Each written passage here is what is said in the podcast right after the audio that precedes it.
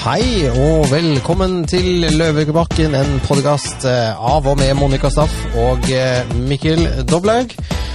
Hver uke inviterer vi til fest i Løvens hule på Frogner, hvor vi prater om aktuelle og kanskje ikke så aktuelle saker. Monica og jeg er som folk flest veldig nysgjerrige, og derfor inviterer vi gjester som vi ønsker både du som lytter, og vi som programledere skal få bli bedre kjent med. Et eh, opplyst eh, demokrati er avhengig av tilgang til fri meningsutveksling, stor takhøyde og ikke minst frimodig flyt av informasjon eh, om du og jeg og alle i Norge skal kunne ta opplyste valg. Nettopp dette ønsker vi å tilrettelegge for her i Løvebakken. Så for å opplyse oss i dag, så har vi fått besøk av en sindig herre fra Dalen i Telemark, som flyttet til Oslo i 1981 og dermed fullt ut integrert. Forfatter, skribent og sosiolog, og aktiv i samfunnsdebatten. Han har gitt ut bøker som Christiana Bohemen, artikkelsamlingen Ute på prøve, boken Fremmed i eget land og siste bok Mot nasjonalt sammenbrudd. Da har dere gjettet rett, vi snakker om Halvor Fossli. Og i dag skal vi snakke om nasjonalstaten, nasjonsbygging og nasjonens betydning for å skape velfungerende demokratier og samfunn som preges av tillit, velstand, fred og samhold. Og før jeg setter over til deg, Monica, min sidekick, du er jo da bunadskledd i dag. Det er spennende. Det er kjempespennende, vil jeg si, Mikkel. Det er jo det er... kanskje fordi vi nærmer oss 17. mai, eller hadde du ikke liksom Eller var det fordi det er kaldt kom, i dag? Kom, ja, det er jo også fordi det er kaldt. Og fordi Chanel har begynt å lage bunader. Ja, så deilig. Ja, Hvilken deilig. bunad er det du har? I dag har jeg Skåveien-bunad. Ja. Hvordan er den annerledes fra f.eks. Eh, Dørdagbunaden? Eller eh, Økernbunaden? det er jo noe som heter Oslo-drakt. Ja, Dracht. Og, dracht. Ja. Und die ja. haben sie auch. Ja, ja. Eh, nei, du, det er altså en uh, laget av en dame som heter Eva Li Skåbein, som har kopierer gamle drakter, egentlig. Behøver ikke nødvendigvis være fra et sted, men gamle festdrakter. Ok, det er kult. Så, Så det, det var liksom dagens reklame. Ja, fantasi. Eva Lie? Eva Lie. Og så har jeg en romsdalsbunad som moren min har brodert og sydd. Mm -hmm. Eh, som jeg bruker da til eh, enda mer høytidelige anledninger enn podkaster. Ja. Eh, og så Søndagsmiddag og sånn, eller? Mm, ja, julaften, julaften. og, og 17, kommende 17. mai, f.eks. Ja. Og nei, jeg, er veldig glad i de norske bunadene og folkedraktene, så jeg har faktisk eh, en til. Og jeg skulle gjerne hatt mange flere. Jeg syns de er fine og burde brukes oftere. For, barna dine, går de med det? Ja. Lars? Ja. Han gjør det, ja? Ja. Bra. Mm. Det er fint. Ja, men da har vi fått Så- etablert det. Ja, så det syns jeg man Det er å anbefale. Få Absolutt. seg en bunad for de som ikke har. Men eh, altså, det er jo inspirerende å ha en mann som er opptatt av nasjonalstaten her, og særlig nå når vi nærmer oss 17. mai.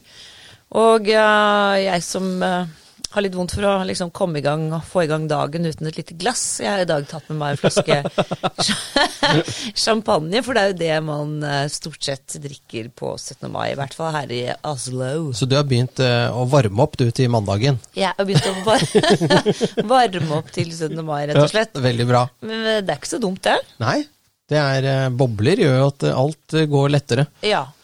Men uh, vår gjest her, han Mhm. har jo en magistergrad. Det er ikke så ofte vi har folk på besøk som faktisk har magistergrad. Nei. Og jeg er faktisk uh, såpass lite opplyst at jeg lurer litt på hva er en magistergrad, Halvor? Ja, jeg er kanskje en av de siste i Norge som har magistergrad, for eh, den akademiske graden ble avvikla tidlig på 90-tallet. Eh, og ble erstatta med bachelor og master og ph.d. Så ma magistergraden var en, en spesial hovedfag for eh, folk som hadde spesielt gode akademiske forutsetninger. Altså det er en slags ph.d.? Det er en mellomting mellom det gamle hovedfaget da, og den gamle doktorgraden. Ja. Eh, og du måtte ha laud i to støttefag for å komme inn på magistergradsstudiet. Spennende. Vi Ikke noe for det. oss altså, Mikkel. for- Nei, nei, for oss. Nei, Så magister er jo en tittel som, som er litt sånn schwung over i, i litteraturhistorien. Ja, det høres flott ut. Sving ut, magisteren, sving ut. Er ikke det sånn? er det det, kanskje? Ja. Ja, Ja. Ja. ja da. Men det er, så det er en litt sånn en eim av gammel borgerlighet over det, den tittelen, da. Ja. Gamle, gamle Europa. Absolutt. Sier man de til dem nå, eller? I og med at de er, de er magister? Ja, skal vi være dis? Nei, jeg er veldig folkelig. Ja, da er man fra Dalen i Telemark, så er det vel i hvert fall mer sannsynlig at man er folkelig enn om man eh, er fra fjongeste Frogner. Der er jo ikke folkelig i det hele tatt. Men Nei, en annen eh, liten ting altså Du har også gått på Nansen-skolen, og det, er- det svinger jo litt sånn nasjonalt da, syns jeg. Hva er det for noe? Dansenskolen er en folkehøyskole innenfor folkehøyskoleloven og, og heter Norsk humanistisk akademi som undertittel. Så det er jo en litt spesiell folkehøyskole som ikke legger vekt på friluftsliv eller øh, eller eh, ja, det som skjer på, eh, vanligvis på folkehøyskoler. Det er mer teoretiske fag, og, en, og for min del så var det en inngang til idéhistorie og, og HF-studier. da. Eh, og det har vel utvikla seg til å legge mye vekt på internasjonalt fredsarbeid og sånne ting etter min tid. Men eh, du har jo da også, som Mikkel refererte til, skrevet den siste boken din, heter jo 'Mot nasjonalt sammenbrudd'. Og så har du fått mye pes eh, rundt omkring, fordi at du har jo både vært her og der, både hos eh, HRS og Dokument og Nå er du her. Eh, Nå er du her. Det blir bare Det og verre. verre, verre, verre, verre. Det blir bare verre og verre. Eh, og fra en mann som både er magister og har gått på Nansen-skolen og, og er opplært i, de, altså i humanisme, så, så virker det på meg som du kanskje blir litt urettferdig behandlet. Det har nok slått meg òg, at eh, den tidsånden vi er inne i nå, er veldig fordømmende når det gjelder eh, standpunkt og, og holdninger som var veldig kurante og vanlige før. Så jeg, jeg, jeg ser jo på meg sjøl egentlig som en som er nokså konsistent i dag i forhold til det jeg var på 90-tallet, og at det er andre som har forandra seg i større grad. Eh, Så det som i dag heter nasjonalkonservativ og sånn, det var nokså felles politisk tankegods i Norge helt fram til 80-90-tallet. Ja, vi var alle nasjonalkonservative eh, en periode. Ja. Ja, og nå Absolutt. er det fy. Ja. Mm. Så eh, en, liksom en, slags kongstanke da, i den siste boka er at vi må tilbake til en normaltilstand. Så det er den veldig sånn sterke eh, multikulturelle holdningen i dag, kombinert med en stor eh, innvandring, som er utypisk for norsk politikk, og som jeg prøver å advare mot. Mm. På en rolig måte. Ja, ja, for at du er jo en sånn rolig og Du er ikke den som står og skriker eh, høyest, Halvor. Det- Bøkene dine er også veldig rolige og balanserte, men samtidig vekker de eh, harme, ikke sant det, Monica? At de liksom, folk blir sinte når du skriver. Ja, men det vekker ikke bare harme. Det, det, det blir jo fryktelig mye sånn hat, hvilket jeg ikke forstår. Ja. Fordi at hat er et så utrolig sterkt ord. Og det å hate noen er eh, Ja, det, jeg hater ingen, så vidt jeg kan komme på i farten. Bortsett fra ja, deg da, Mikkel. Nei. Ja. Takk for det. Ja. Nei, men Halvor, jeg, jeg tenker Ja. på det. Altså det. For du har jo på en måte bare pirket borti noe som på en veldig sånn forsiktig måte. Du har ikke, det er ikke noe kontroversielt, egentlig. Ja, jeg vil kanskje først eh, eh, si at jeg opplever, opplever ikke å møte masse hat. Det syns jeg er for sterkt. Uh, men uh, det går litt mer på det som på engelsk heter deplatforming og utestengelse og ikke, ikke bli tatt alvorlig. Eh, eh, ja, mer sånn nedsettende og føle meg parkert på en måte eh, i en del eh, miljøer da, som jeg vanka i før. Så det har, det har vært en nokså stor sosial omkostning å stå fast på noen hovedprinsipper i norsk eh, politisk tradisjon og historie. Det, det har det. Men hat er for sterkt. Og jeg, jeg mener jo kanskje at uh, utviklinga de siste åra er egentlig til det bedre. Det er eh, større aksept for eh, å snakke godt om nasjonalstaten i dag, vil jeg si, eh, enn for noen år tilbake. En del av den utopismen er mer død. Det er en forestilling om at et, at et land kan være et slags evig karneval. Eh, det, den, Det var et veldig er fint bilde. Ja. et evig, evig fest. Evig fest, ja. Evig, evig karneval. Ja, ja, der alle er velkomne, og, og det, er, eh, det, er, det er kake igjen alltid. Og, Ja, det var jo litt sånn eh, Min mor var jo litt av den eh, Hun jobbet i, i Norad og Utenriksdepartementet og sånn, og det var Møtte min far som var FN-mann, og det, det var jo denne her Hun snakket alltid om dette her, den globale landsbyen, og skulle, alt skulle være så fint. Eh, og det var, hun var en velmenende kvinne, og mye rett i det, eh, men samtidig, det ble jo ikke helt sånn. Det ble jo ikke sånn at vi skulle bare kose oss og bare ha spennende matretter og spennende kultur og klær og alt det. Det, jo, det ble jo alt annet enn det også, og det skriver du om i, i boken din. Ja. Det er jo et forsøk på å oppsummere sånn 10-15 års eh, debatt om innvandring og integrering i Norge. Eh, og samtidig prøve å konkludere. Altså ikke bare, ikke bare beskrive utviklingen, men å evaluere hvor står vi nå. Og hvis vi fortsetter i denne leia, hvor ender vi opp? Og det er jo det tittelen antyder, at hvis vi, hvis vi, fortsetter, så går det mot et nasjonalt sammenbrudd, i betydningen at det nasjonale fellesskapet eh, går langsomt i oppløsning, at vi får en sammensatt befolkning der Eh, som er, lever mer segregert, og som, eh, som, ikke produserer den samme form for eh, velferd og, og, sterk økonomi og samhold og trygge offentlige rom, og det vi har måttet bygge opp i, i Norge over mange hundre år. Så det er, en, ja, det er den alvorlige budskapet. Ja, fordi som Mikkel sier, altså din mor hadde jo på en måte troen på dette her. Det er, jo, det er vel egentlig liksom et ønske om ja, det er et ikke sant, om, at vi ja. alle skal leve i fred og fordragelighet. Og selvfølgelig, det er det Jeg ønsker jo det. Alle ønsker vel det, men det er klart at når du får kulturer som er så forskjellige fra din egen inn ikke sant, i din egen kjøkkenhage, så blir det vanskelig. ikke sant, For noe må vokse i skyggen av den andre, eller at det ikke, ikke sant, det blir ikke grobunn for noen ting. Mm til slutt. Og noe er motstridende.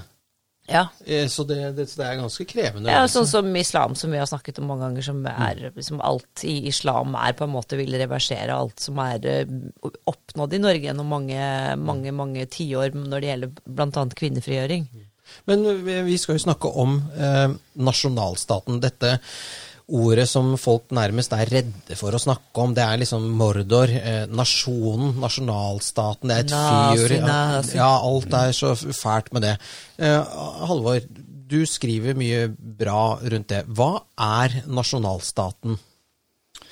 Ja, Nasjonalstaten er jo den vanligste statsformen faktisk i dagens verden. Men eh, den er òg veldig kortvarig i historisk perspektiv. Så, så eh, den eh, starta jo da egentlig på 1800-tallet eh, som en idé der hver nasjon skulle bli politisk suverene, bestemme over seg sjøl. Og disse nasjonsstatene sprang ut av imperier som i tur og orden kollapsa. Og så etter, eh, I mellomkrigstida og i etterkrigstida så er det da koloniene som frigjør seg, og som danner eh, da forskjellige typer stater til dels nasjonalstater, men også stater der grensene er veldig tilfeldige. Og det har da skapt nokså mange ustabile land også. Eh, men United Nations, altså Forente nasjoner, er jo da et uttrykk for den historiske epoken der nasjonalstaten egentlig er den dominerende. Og det er veldig påfallende stor forskjell da, på et kart i 1960 og på 1500-tallet. Mm. Så er det, så, det er så pulverisert i små hertugdømmer og, og ikke, uh, ulike politiske uh, inndelinger i, i, land. Mens uh, det har vært en veldig stabil og fredelig periode etter denne veldig kaotiske fasen i verdenshistorien mellom 1914 og 1945, som er en slags sammenhengende krise. Mm. Og, men fra 45 og utover så har uh, måte, verden falt litt til ro i nasjonalstater, men med en del spektakulære unntak. som, som uh, sant, verdenssamfunnet har, har, slitt med i, i, mange år. Det er Somalia, Afghanistan og seinere Libya, Syria. som ikke har gått gjennom en nasjonsbyggingsprosess. Det er stammesamfunn som har litt sånn lause, laus føderal sentralmakt som ikke er, har, den har ikke noe god legitimitet i befolkningen og baserer seg ofte på maktbruk. Eh, gjerne ei stamme som undertrykker veldig mange andre. Ja, Så de, de er, føler ikke noe nasjonalt sammenhold når det er slik, da? Nei, det, det som kjennetegner klansamfunn, er jo at solidariteten går til den utvida familien.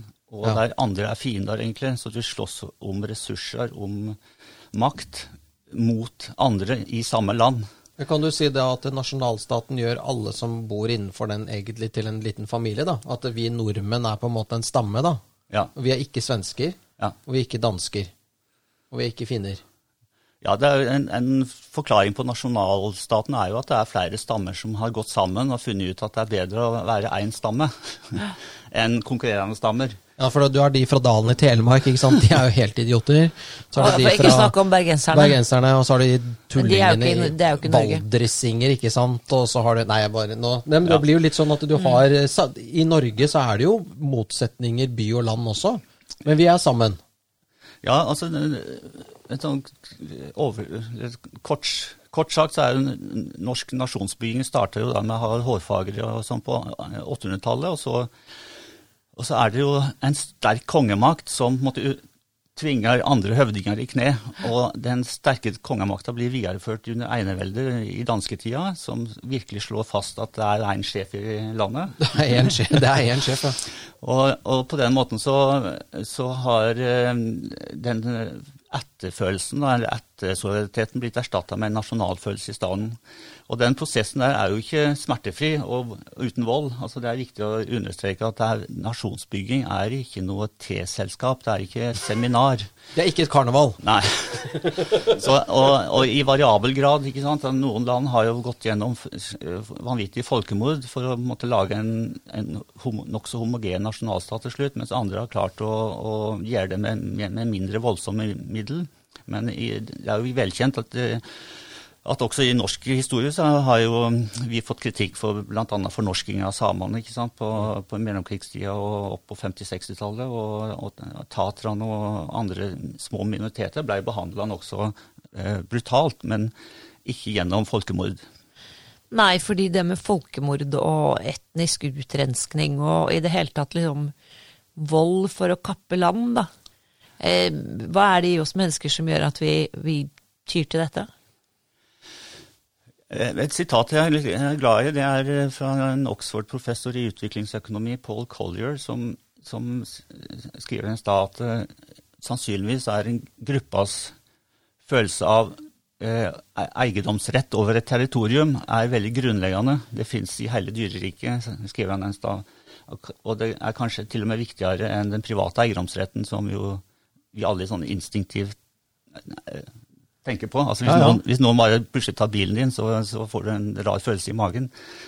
Eh, så det, at gru, Ja. grupper har en følelse av at et territorium er sitt, Men hvorfor det er veldig grunnleggende ja. sannsynligvis i, i historien. I, Men ja. hvorfor vil du absolutt ta naboens eiendom? Altså, hva er det Fordi jeg, jeg tenker på sånn som løver, hannløver.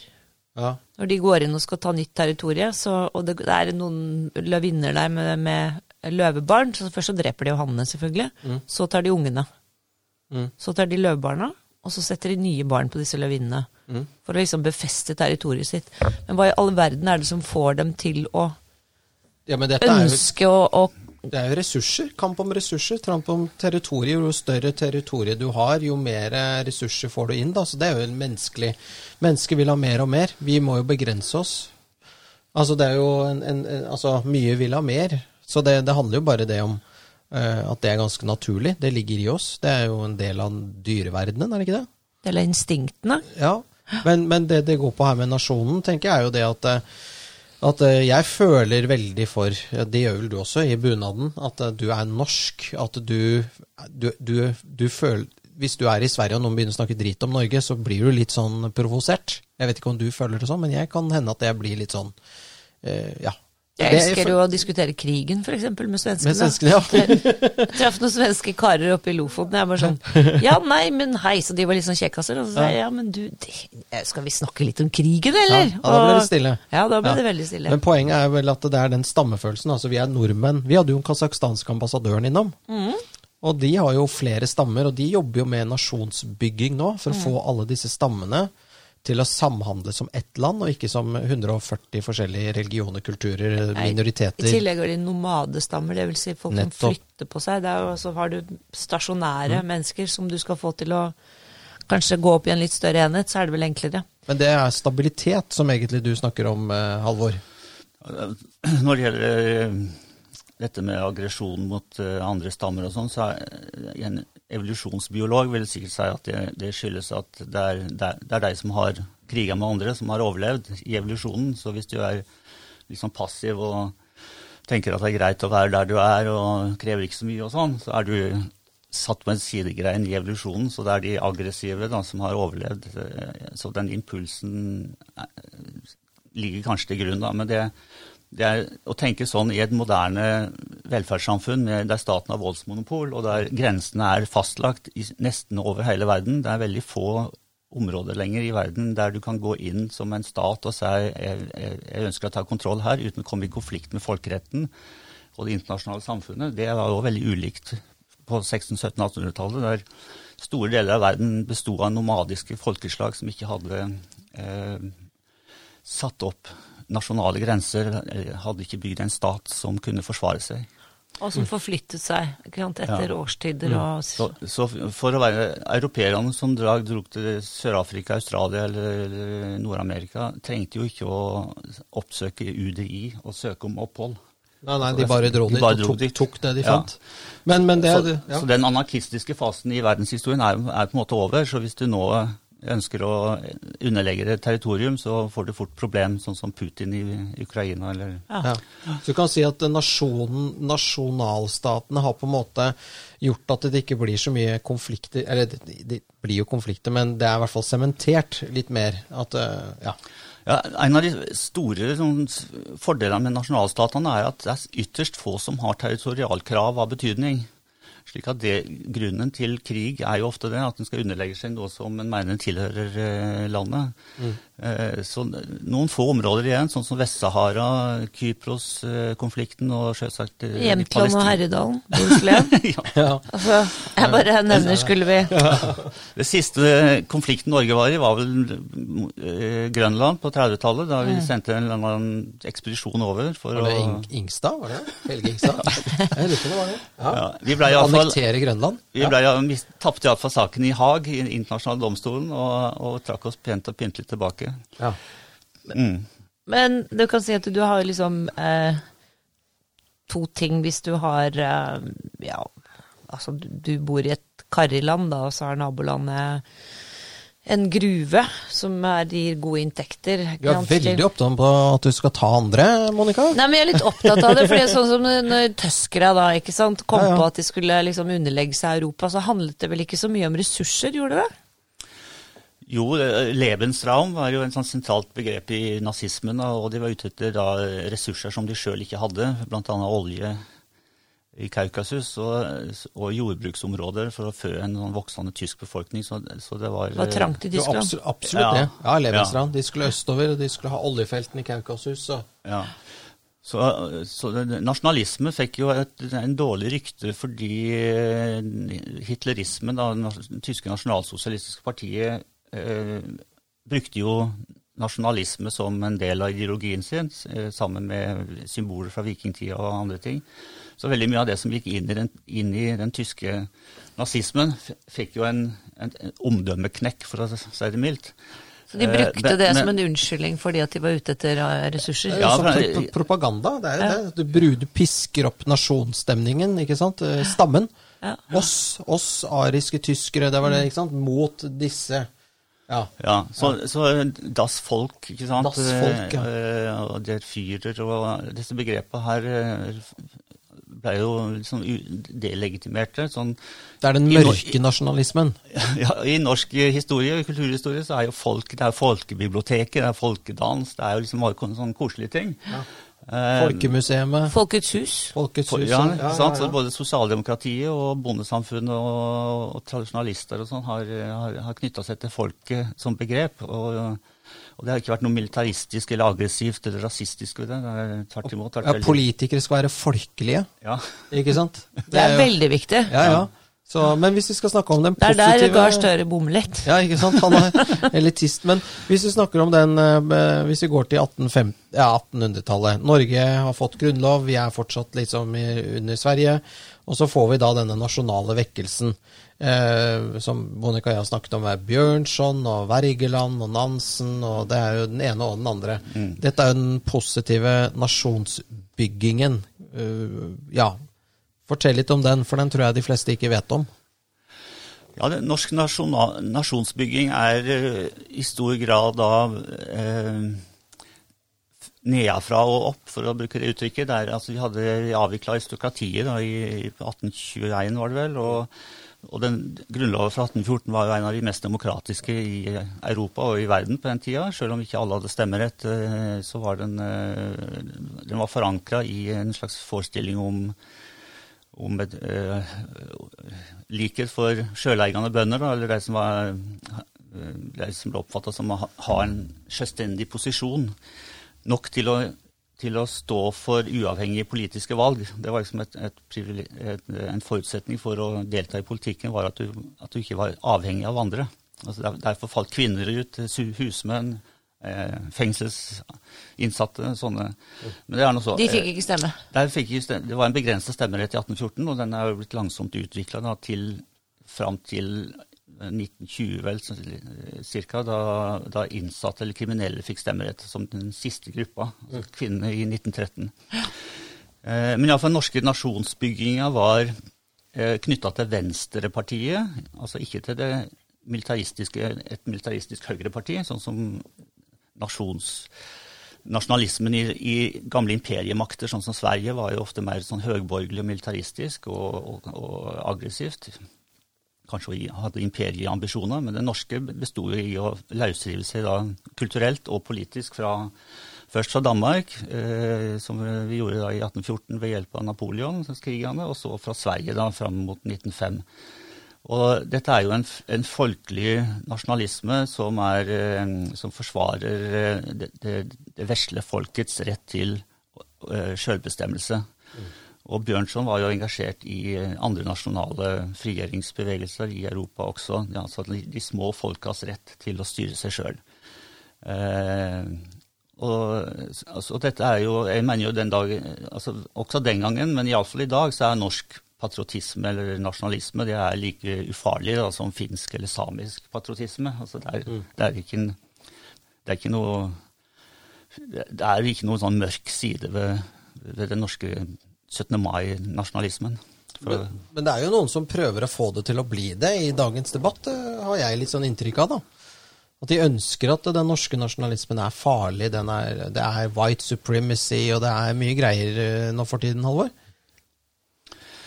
Ja, det, det syns jeg er veldig sånn historie mm,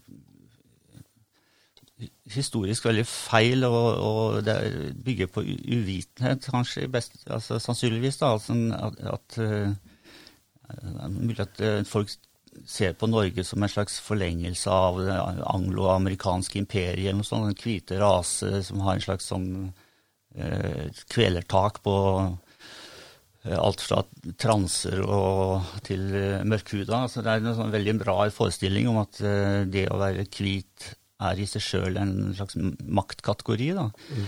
Eh, men hvis du er imot norsk sjølbestemmelse, og at en norsk nordmenn som etnisk gruppe har en, en, en, en, soleklar rett til å danne et eget land og egen nasjon, så må du måtte også være imot alle andre nasjoners rett til det samme. Mm. Altså, da må vi gå inn for en slags sånn masseinnvandring til Somalia for at det skal bli et multikulturelt eh, karnevalsland. da. mm. Eller andre da tror jeg vi skal sende Forsvaret først. ja. Ja, Nei, jeg skjønner hva du mener. Mm. Og så er det veldig viktig å tenke på at nasjonalstater trenger jo en slags ideologi må jo ha Det ligger jo i begrepet at det må være en nasjon for å danne en nasjonalstat. Fordi alle, som det gjerne blir sagt, kan jo danne en stat. Problemet er å danne en velfungerende stat som er trygg og god og er en god ramme for innbyggerne. Eh, og, og, og, en nasjonalstat det ligger jo i jorda. Da må du først bygge en nasjon. Eh, det er nasjonen som bygger staten.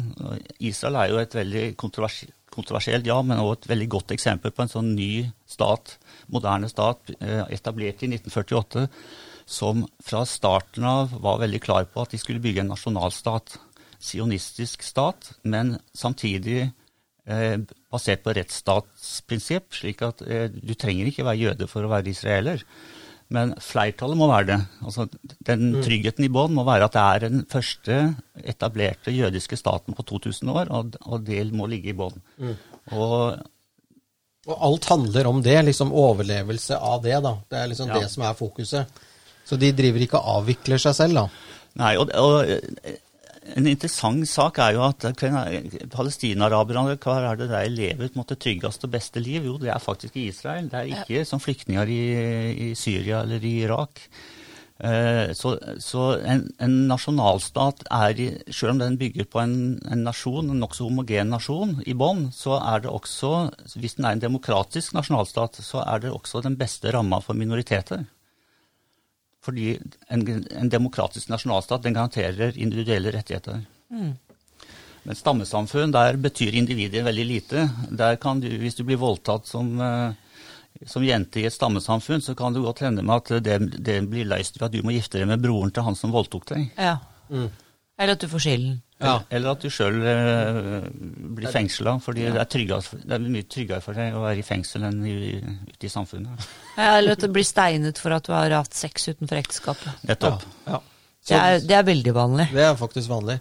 Så, så, det, det, så, så nas, altså nasjonalstaten, det er en idé som må bæres frem med nasjonalisme, og så har du da militant, eh, slem nasjonalisme, og så har du snill, bløtkakeis, bunad-nasjonalismen. Eh, og da er det jo greit å ikke på en måte være så redd for den siste, da. Selv om den hele tiden skal drites ut. Da. Det er sånn, hva er norsk, eksempel? Det er jo sånne endeløse temater. Woke-prat. Ja, sånn, ja, det finnes ikke noe norsk kultur, eh, bla, bla, bla. Ja. Avviklingen av samfunnet. Ja, eh, norsk, eh, norsk kultur finnes jo, men den er jo ikke, den er jo ikke statisk. eller den, den, den består ikke av noe du kan putte i, et, i en boks eller på et museum. Så den, eh, men det som vanligvis definerer en kultur, er at den sier at den, den blir definert relasjonelt. altså den er, den, den, Er. Så den alltid må se det i lys av, av andre kulturer. Den forstår seg sjøl i, i, i en sånn relasjon til andre. Det er jo, handler jo mye immaterielle. Ikke sant? Det, er, ikke sant? det er vanskelig å på en måte beskrive med ord hva som er norsk kultur. Men i samhandling med hverandre så vet jo vi hva som er norsk kultur. Mm.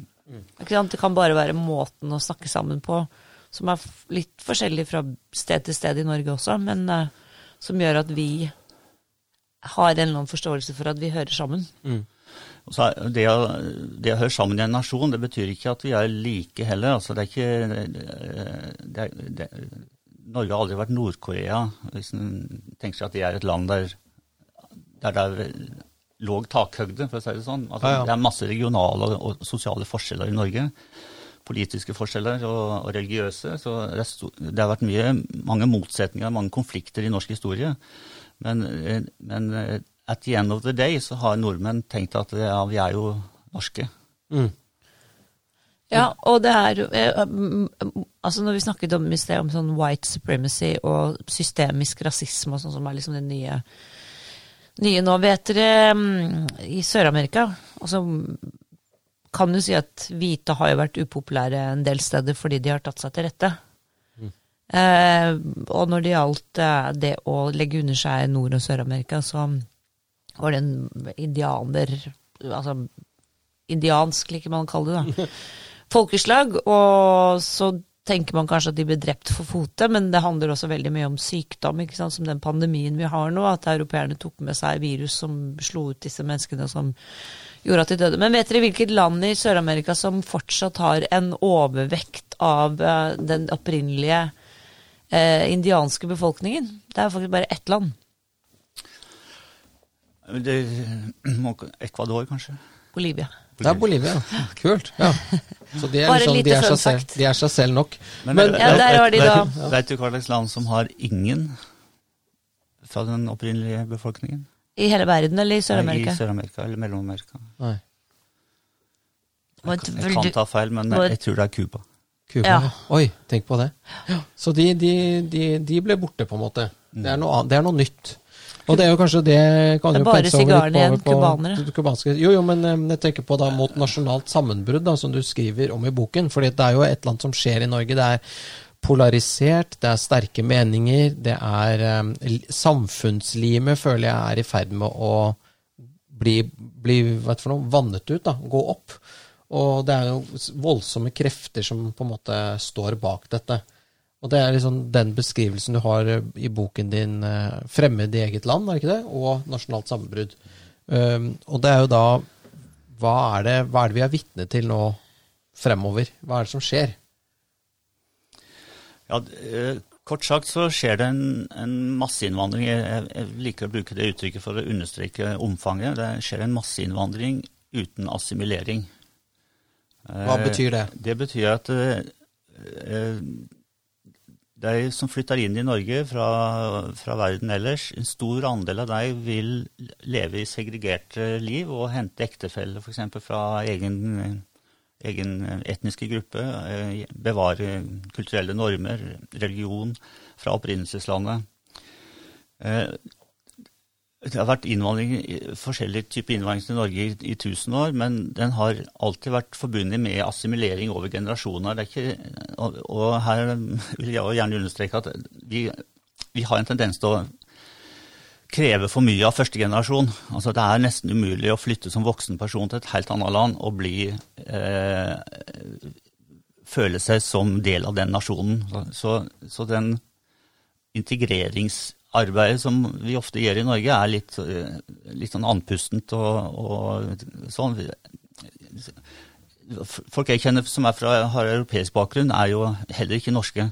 De er jo, og seiler jo rett ut, for der er det ikke kontroversielt. Men hvis du er fra Somalia eller Afghanistan, så er det på en måte om å gjøre at du skal bli norsk etter fem år.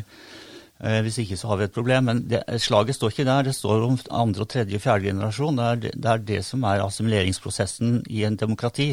For Jeg er jo absolutt ikke tilhenger av noen tvangsassimilering, men assimilering er jo et sosiologisk uttrykk for at den smelter sammen med den opprinnelige befolkningen over tid, og at det skyldes individuelle valg.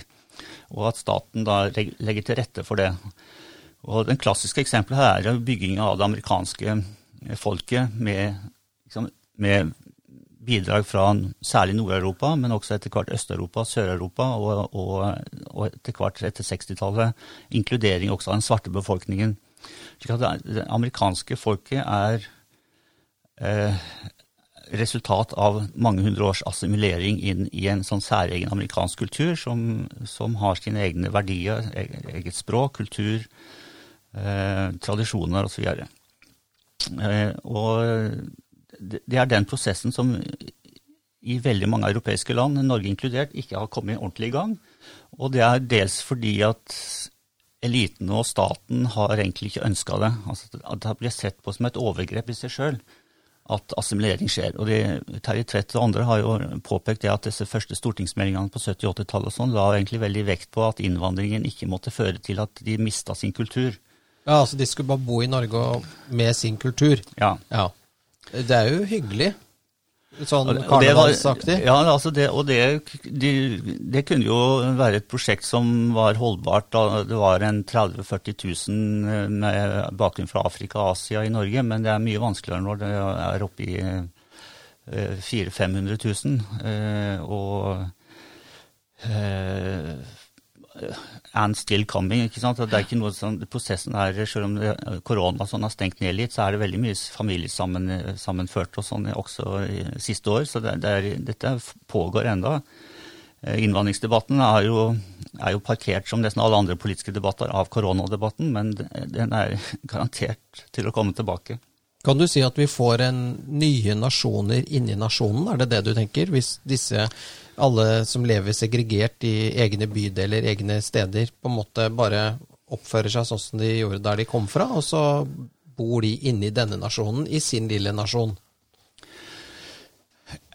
Ja, en, parallell kan kanskje være det tyske liksom, ekspansjonen over mange hundre år. Altså de tyske byer og tettsteder som, som etablerte seg østover i Europa, eh, eh, som med, tok med seg sitt språk og sine danna universiteter og skoler og sånn. Königsberg, Danzig eh, Masse av disse byene i Øst-Prøysen som etter 45 da ramla ut av det tyske kjerneområdet. Men, men tyskerne i Europa var jo et sånt folk som spredte seg fra sitt sletteland og til nabolandene og danna sånne eh, eh, litt sånn isolerte kulturelle øyer da, her og der. Og det var jo muligens en bakgrunn til at Hitler hadde den ideen om å samle alle tyskerne, inkludert av de områdene som tyskerne hadde slått seg ned på. Eh, og, men denne diaspora-fenomenet, at, at folkeslag lager sånne satellitter i andre land, det mest kjente eksempelet på det er jo jødene. Mm. Som etter eh, Jerusalems fall eh, spredte seg over Romerriket og, og senere andre steder. Og, og danna også eh, nokså lukka miljøer med, som i variert grad var integrert i de landene de bodde i, men med en klar jødisk identitet for de aller fleste. Sjøl om mange assimilerte seg. Så, så, den jødiske diasporaen er jo veldig godt dokumentert. og, og har eksisterer jo den dag i dag, selv om da mange dro til Israel eh, fra 1880-tallet og utover, og særlig etter 1948. Men uh, det er sånn som uh, Israel. De har jo da Dette var jo en sånn enighet etter krigen, og det er jo som du sier, og jeg vet ikke hva som har snakket mye om jødene og hvorfor de er så hatet i verden overalt, egentlig. Altså sånn Hvor kort tid det tok etter andre verdenskrig, hvor de liksom tok livet av over seks millioner jøder. Hvor kort tid det tok etter det at de var lagt for hat igjen, egentlig. Sånn som jeg ser Altså, ja, jeg er jo vokst opp med selv at eh, palestinerne var det forferdelig synd på. ikke sant? Men denne staten er jo laget av FN. Og grensene, som du sier. Noen stater, så er det i Afrika også, så er det veldig sånn rette linjer. Og da er det helt klart at man har kanskje kjørt over noen folk. Eller noen som hadde en naturlig tilhørighet på andre siden av grensen, f.eks. Ja, jeg tror Når det gjelder mange afrikanske stater, så var det jo ikke valget da på eh, i etterkrigstida, da, da det britiske imperiet og mange andre ble franske og som ble avvikla, så, så, så, var jo ikke nasjonsbygginga kommet så langt i mange av de afrikanske regionene at det var mulig å danne nasjonalstater. Eh, det var mer et lappeteppe av store og små stammer som kunne eh, Tenkes å fungere sammen? Ja, altså Noen av de landene i Afrika har jo en sånn type 50 språk. ikke sant? Så det er ikke så lett å, å gå fra, fra, den kolonistatusen da, som, som, som var kobla opp til den imperialistiske perioden i, i, verdenshistorien til en nasjonalstat. Altså Selv om grensene har vært trukket på en annen måte. Jeg tror egentlig Afrika og mange andre land har, en, har noen hundre år, eller for mange tiår igjen på å finne ut av om de ønsker å gå i en sånn nasjonsbyggingsfase, eller om de fortsatt skal være en samling stammer da, innenfor en litt sånn laus, ustabil eh, statsform. Det kan jo hende at det er løsningen, fordi i og med at nasjonen er så at nasjonene har bare eksistert i, i noen hundre år, da, sammenlignet med verdenshistorien, som er titusener av år, for å si det sånn, da, så kan det hende at det vi lever i nå, er unntaket. At det vi, det vi opplever nå, er rett og slett ikke sånn det naturlig nok skal være. Det er jo en kanskje skremmende tanke for mange. Kan jo ja. settes i et ganske skremmende perspektiv når du ser hvor unge Norge er som nasjonalstat, da, i ja, ja. sett og vis, ikke sant, i historien. Også. Fordi at det var jo tider hvor man tenkte at eh, den Berlinmuren kommer aldri til å falle, ikke sant, men det skjedde jo også, så det er utrolig mange ting som har skjedd, og egentlig litt sånn ja, Se på Balkan, landet der nede, hva det het før og hva det heter nå. ikke sant, Områder. Så alt kan på en måte skje, kan det ikke det? Jo da, jeg har jo lest en, eh, litt demografi, og demografi er en nokså eksakt vitenskap, for du, du veit jo hva som er utgangspunktet. Du vet liksom antall kvinner i fruktbar alder og fødselsrate og sånn. Så kan du liksom lage prognoser som er nokså treffsikre. Og, og hvis en kobler sånne prognoser, da, som er typisk at Afrika skal vokse voldsomt, eh, og Europa er jo allerede etter reproduserer seg jo ikke, særlig Sør- og Øst-Europa er jo i, nærmest i fritt fall. Så kan godt tenke seg det at om 100 år så er det store forandringer politisk altså på, på kartet. Mm. Altså så Sør- og Øst-Europa reproduserer seg dårligere enn nord og vest? Ja. Ja, ja men da er det liksom sivilisasjonsfallet, da. Da blir vi bare borte. Altså da, da om, fem, Ja, om hvis du, hvis du kaller bare oss sivilisasjonen, da. Er, Nei, men denne, altså det er mange sivilisasjoner som Ja. er borte. Som, eh, som altså asyrerne altså det, er mange, det, det her skjer jo hele tiden. Atsekerne tenkte du på. Nei, asyrerne. De bodde, Asyr. Asyrerne, ja. Okay. Okay, det er jo 4000 år siden. Ja, før, ikke sant? Okay. Ja, det, ikke sant? Vi snakker om sivilisasjoner man ikke har del, hør, hør, jeg har drukket hørt om. hele flasken. Poenget er bare at eh, det romiske, romerske sivilisasjonen er borte. Vi har ingenting til felles med romerne. Vi vet om dem, men, eh, men, men, vi, men deres kultur og sivilisasjon er borte. Sammen med egypterne, altså det- faraoen osv. Så, videre. så det jeg tenker på er sånn, kan det godt hende at om, om noen hundre år så er det på en måte Europa helt annerledes, og så snakker man om ja, det bodde oppi her så bodde det noen nordmenn, men Ja. de vet vi, de så sånn ut, og vi vet ikke så mye om det, vi har noen bøker, de snakket sånn. Og du kan si at så lenge du ikke får da, som Halvor her sier, assimilert eh, generasjonene som kommer etter førstegenerasjons innvandrere, så vil jo heller ikke Sånn som norsk innvandrerbefolkningen i Norge og de etnisk norske nordmenn vil jo da i, særlig i liten grad blande seg. ikke sant? Og Hvis du ser da på demografi, som du henviser til, og fødselsrater for norske, norsk, etniske norske kvinner, og altså da, når vi snakker om innvandrere i den sammenhengen her, så, så er det vel de fra Levanten og de landene der nede som da har, Ja. reproduserer seg ganske Så da bare fisler dette seg ut og, og ja, blir Så borte. til slutt så blir vi borte, og så Ja. vil, de over, vil de ha overtatt landet. Det vil ikke bli en sånn befolkning som er en blanding. Nei, det vet man ikke, for at Et blant, blått, ett blått vi, har jo et veldig, vi har jo veldig lite til felles med vikingene òg, selv om man alle tror det. Altså vår, vår kultur har svært lite Nei, Jeg tror ikke at det det. er liksom Mm. Vi er jo slekt jo på vikingene. Ja, men vår kultur har ingenting så veldig mye med det å gjøre. Så det er jo litt sånn Nå syns jeg du vrøvler fælt. eh, Nei, altså, vi driver ikke med blodhevn. Vi, det er mye sånne greier vi ikke driver med. Den, Ja. dem, den demografiske store forandringen nå er at det er et belte fra ekvator, eller rundt ekvator, da, fra Mellom-Amerika, da, over eh, Afrika sør for Sahara og over eh, eh, Passerer egentlig forbi Iran, som jo har nådd den såkalte demografiske overgangen. Der, der er det 1,5 eller noe sånt eh, i snitt per kvinne. Men den, fortsetter da inn i Pakistan og Afghanistan, og sånn, som har også har hatt voldsom befolkningsauke. Så det er, det er, det er den regionen som går over flere kontinenter, da, som, som nå er i ferd med å bli veldig veldig dominerende demografisk og framover. Eh, mens Europa i, i 1920 hadde vel ca. 25 av verdens befolkning. Så, så den, den europeiske makten da, i, i imperietida var jo knytta til det, at vi var rett og slett veldig mange. I forhold til Afrika f.eks. veldig tynt befolka på 1800-tallet. Ja, Så det, det her går liksom i bølger. Ja, det der. går i bølger. ikke sant? Så, og at eh, demografi og makt på en eller annen måte speiler seg, det er nok eh, sant. Altså, det er veldig vanskelig å være rik og mektig hvis du er få. Eh, og Ja. USA, som, som har ønska folk velkommen da, i 300 år, er jo for å bygge en sterk nasjon. Og, og en idé ved å invitere enda flere til USA nå, tror jeg, er, òg for å styrke USA i en sånn global maktkamp. Eh, Trump ville, som vi husker, ha flere nordmenn til, til innvandrere. Mens det store innvandringspresset på USA er jo fra Latin-Amerika. Eh, og så, Da er jo da en diskusjon i USA at vil den bli assimilert inn i, til amerikanske verdier og amerikansk kultur. Det, er jo, det, det har vært suksessfaktoren i USA. altså At, at det ikke har vært diaspora, men de har blitt amerikanere. Men, Så det fellesskapet der er, uttrykk, det, er, det er det som ligger, tilbake, ligger til grunn for Amerikas supermaktposisjon, etter min mening. Men hvorfor klarer vi ikke å reprodusere oss her på berget? Åh, det er en lang diskusjon. det er et godt spørsmål. ja.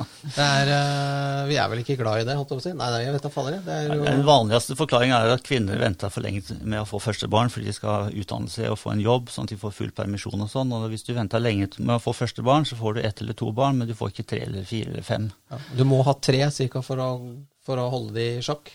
Nei, altså, hvis, Det er alltid noen som ikke får barn, så det er derfor viktig at det er noen kvinner som får mer enn to. Hvis ikke så faller reproduksjonstallet under to. Ja, ikke. Men, men det som også er ja, reproduksjonstall på to, da holder du det stabilt. Har du tre, så øker det. Ja. Ikke sånn? Men, eh, men, eh, men eh, tilbake, nå er vi langt utafor temaet her. Eh, tilbake til Ja, men det er jo interessant i forhold til ikke sant, også en voksende innvandrerbefolkning da, som, ikke lar seg, som ikke lar seg assimilere, som ikke blir ja, Det er forskjellige grunner til at det ikke assimileres. Ja, ja. Men også når den da vokser, ikke sant, i forhold til Jo, men da blir det det som er viktig, med nasjonsbygging. Altså videre framover. For at eh, Bjørnsons Norge kan vi ikke Vi kan ikke se oss tilbake igjen og si vi vil ha det sånn som det var i 1880. Altså Norge 1940 vil det aldri bli igjen. Norge 1960 vil det aldri bli igjen. Norge 1970 vil det aldri bli igjen. Og du kan jo himle med øynene. Men det er nok ganske mange i kommentarfeltet på Facebook som ønsker seg tilbake igjen til 1970. Men det er jo ikke mulig. Og da er spørsmålet hva gjør vi nå, Halvor? Hva er, hvordan blir nasjonsbyggingen framover? Hvordan skal vi få dette til å funke framover? Ja, I boka mi så siterer redaktøren i Minerva, Nils August Andresen, som eh, skrev en lederartikkel eh, der han formulerte seg omtrent sånn at eh, utfordringen framover er, er ikke å få nye statsborgere, eh, men å skape nye nordmenn. Og Ja. det, det er jo eh, kort sagt måtte det som må til.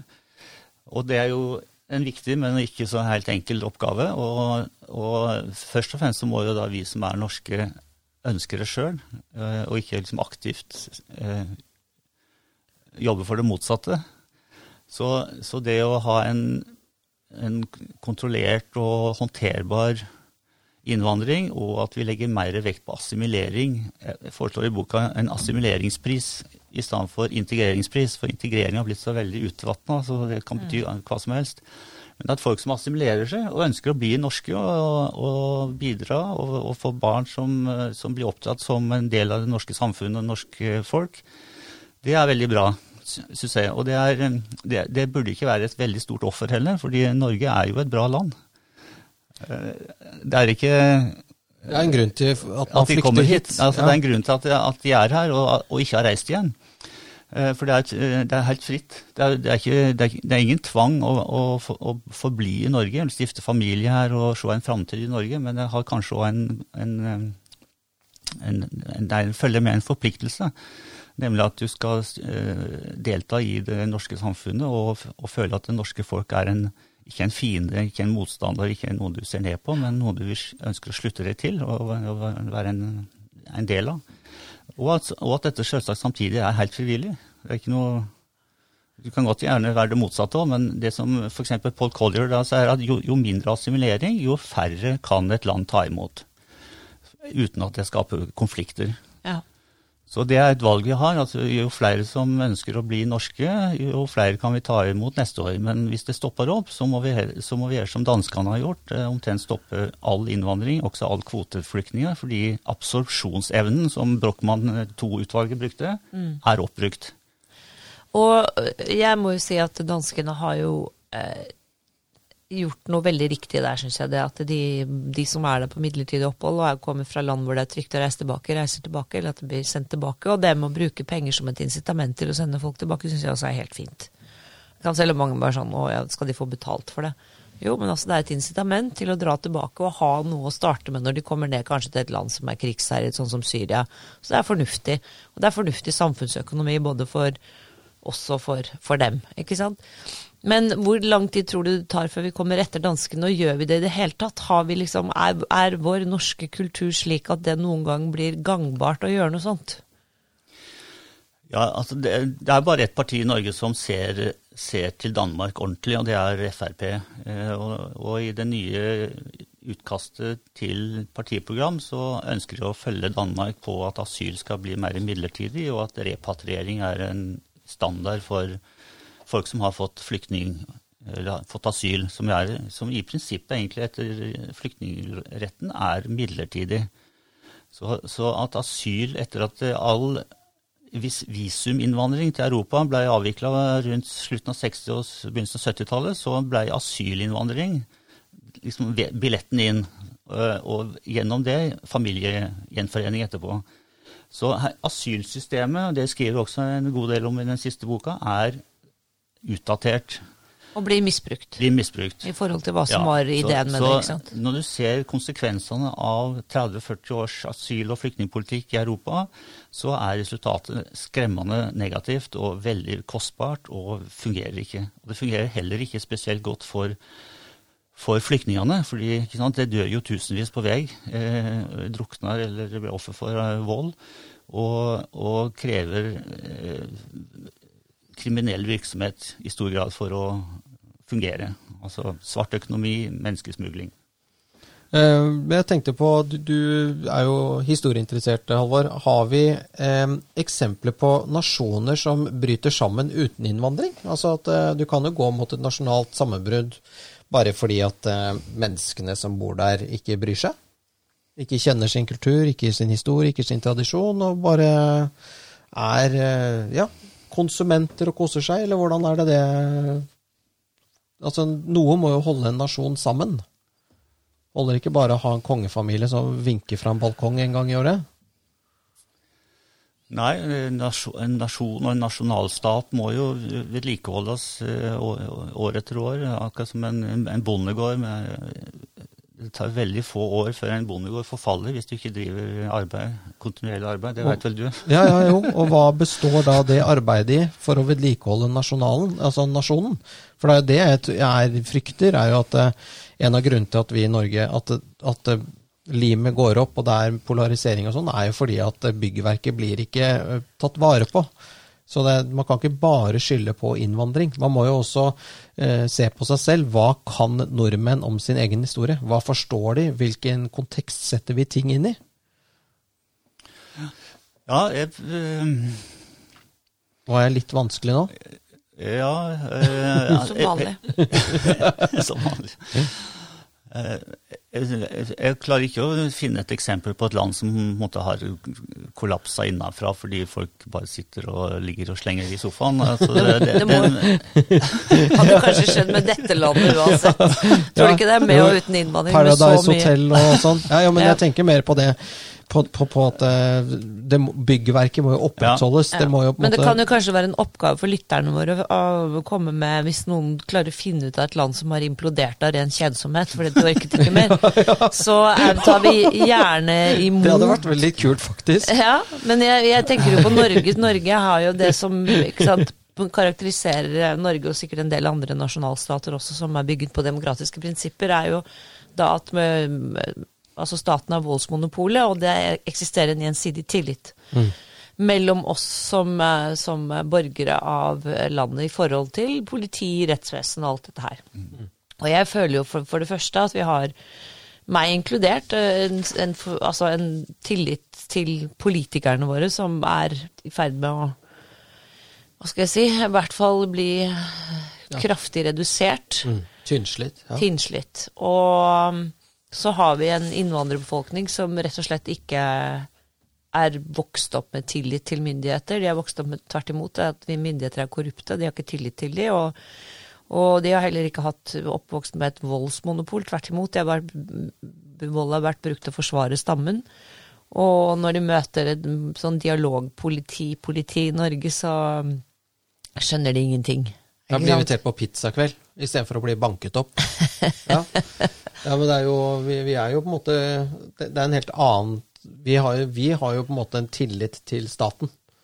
Mens mange har jo ikke det i det hele tatt. Og jeg tror mye av det den innvandringsgreiene har gjort at vi også mister litt tillit til ikke sant, de som styrer det landet her. fordi at det, alle ser jo på en måte hvor gærent det går av gårde, og så skal man liksom ikke engang få lov til å snakke om det. Nei, det har jeg vært veldig opptatt av. Og at den eh, politisk korrekte eh, herjinga med folk som tar opp eh, ærlig bekymring, eh, forteller om forfallet i sitt eget lokalsamfunn, og at skolene har blitt mye dårligere i, i bydelen og sånn. Altså, alle sånne utsagn og personer må vi verne om, og vi må respektere det som av den bekymringa som mange folk har. Og den forrige boka var jo et sånn intervjubok med folk i Groruddalen som så at et dalføre som jo var komplett etnisk norsk eh, inntil 60-tallet, ble på ca. 20 år veldig omkalfatra. Så hvis du er 50 år pluss i Groruddalen, så vil du sannsynligvis ha gått på et Stovner gymnas eller andre med én eller to innvandrerelever, mens 20 år etter så var du som norsk elev én eller to av 30. Så, så det, den, jeg skrev jo en artikkel om det, om, om at etnisk norsk bosetting i Groruddalen er over etter 1000 år. Den falt sikkert i god jord. og det, så Groruddalen er en annen historie enn Holmlia, som er bygd på 80-tallet. Der, der flytta jo norske og innvandrere inn samtidig. Så det ble en mye mer sånn multikulturell eh, og, og lenge nokså idyllisk eh, bydel for, eh, i Norge og i Oslo men har også havna i negative nyheter da, i siste, siste åra med Youngbloods og, og en del sånne voldsepisoder der. Ja, og ifølge vår, vår venn Jan Bøhler så er jo dette med gjeng, eh, oppbygging av flere gjenger, og at de blir mye mer organisert, det er mye mer altså, sånn ordentlig organisert kriminalitet, det er et problem, veldig stort problem som, som du aldri hører noen ting om. Og det at vi aldri hører noen ting om det, vi skal helst ikke snakke om det. Og så har vi på den andre siden disse her eh, woke-folkene som mener at det skal være mangfold overalt. Men altså, det er ikke alt mangfold som er velkommen, for å si det sånn. For hvis du, hvis du skal ha mangfold i den forstand at du skal være så mangfoldig at du mener akkurat det samme som oss hele tiden, mm. det er det ja. mangfoldet de vil ha. Ensretting, ja. ja. ja. Nei, det, det, det, det, er på en måte spennende det som du skriver i boken din om det der med ja, Groruddalen og hvordan dette forandrer seg. Men jeg tenker at for, veldig mange bo, De fleste bor jo ikke i, i, i Oslo. Altså, så jeg tror at denne bekymringen her finner du ikke utenfor byen, byen egentlig. Fordi at eh, man, man Vet ikke, Er folk i dalen i Telemark ekstremt opptatt av dette, eller er det mer sånn at S-laget er åpent, og det er sånn det er? Eller, ja, men uh, Jo, men, jo, men altså, bor det et sted der ikke dette er et problem, så tenker du ikke på det. Så tenker du at dette er jo bare overdrevent eh, rasistprat. Ja, det er nok uh, sant. Altså, min lokalavis i oppveksten Vest-Telemark Blad har ikke intervjua meg om de to siste bøkene. Så det er nok fordi i Vest-Telemark så er dette et såpass lite problem, og, de, og, mange tenker at de som er opptatt av dette, er liksom sånn eks, høyreekstreme. Ja. Så, eh, men eh, den groruddalifiseringen av Norge, den fortsetter jo. så Nå er det jo Sarpsborg, og det er Drammen, og det er eh, Fredrikstad. Fredrikstad det, veldig mange pakistanere i Norge bor jo i, i hovedsak i Oslo-regionen, og starta på Grünerløkka flytta over opp mot eh, Stovner og Ellingsrudåsen og sånn, og er nå mer og mer inn i Romerike. Så det er liksom en interessant eksodus. Men de holder seg veldig mye sammen. Og selv om det er mange som også går ut av det miljøet, eller ut av det etniske miljøet, så, så er det nokså påfallende samhold da, i det pakistanske eller norsk-pakistanske miljøet. Mm. Med, men, med, men, med, unntak. Men sånn som Hadia Tajik er jo litt sånn typisk ikke fra jeg eh, har ikke familiebakgrunn fra Groruddalen eller Romerike, men, men fra ei lita bygd. Mm. Så hun jeg synes jeg er et eksempel da, på en sånn assimileringsprosess som jeg er veldig sterk tilhenger av, men som også forutsetter at det ikke er for mange, og de kan ikke være, kan ikke være i egen gruppe. Nei. Klumpet sammen. Klumpet ja, sammen. Ja, ja. Jo, da fungerer det ikke. Nei, det fungerer ikke. Og det er sånn som de som da har f.eks. hatt et asylmottak i en liten bygd, de har nok en annen mening enn ikke sant? Dalen i Telemark, hvis ikke de har hatt det. Min søster bor på Rjukan, og der har de hatt asylmottak. og det ikke sant? Det har, det har, vært en belastning for det lokalsamfunnet. Og så vet vi jo også at de kommunene får bosetningsstøtte i de første fem årene, og når de fem årene er over, så flytter jo de fleste av de som har hatt bosetning på sånne steder som Rjukan f.eks., de flytter inn til Oslo eh, vesentlig, fordi de søker til sine egne, som du sier. Mm. Det, det, er jo en veldig viktig politisk debatt nå. Det er akkurat den eh, bosettingspolitikken som, som, ikke fungerer. At distriktskommuner føler at de tjener på innvandring. Mm. Men i, i, virkeligheten er det jo egentlig bare en statlig hjørnesteinsbedrifter. Så de, de får penger fra staten for å bosette flyktninger og asylsøkere i, i, opp mot fem år, kanskje litt mer, men i fem år får de dekka hovedkostnadene, kanskje vel så det. Og, og, etter det, så, som du sier, så er det mye intern migrasjon inn til bysentra eller områder der eh, den innvandrergruppa har eh, landsmenn fra før. Mm. Så det er en prosess som må ta slutt. Altså det, er så, det er en slags galskap. Det er Galskap satt i system. Systemisk galskap. Ja. Vi snakker ikke systemisk rasisme, vi snakker systemisk galskap. Nei, men altså, vi, jeg, vi, Dette er altså et så interessant tema, og dess mer vi varme vi blir i trøya, dess lenger kunne vi holdt på, tror jeg. Ja, det er Og det er jo sånn at um, vi må kanskje avslutte, men uh, det skal jo da nevnes at uh, i, på 90-tallet, når alt var så meget bedre, du er en av dem, ja.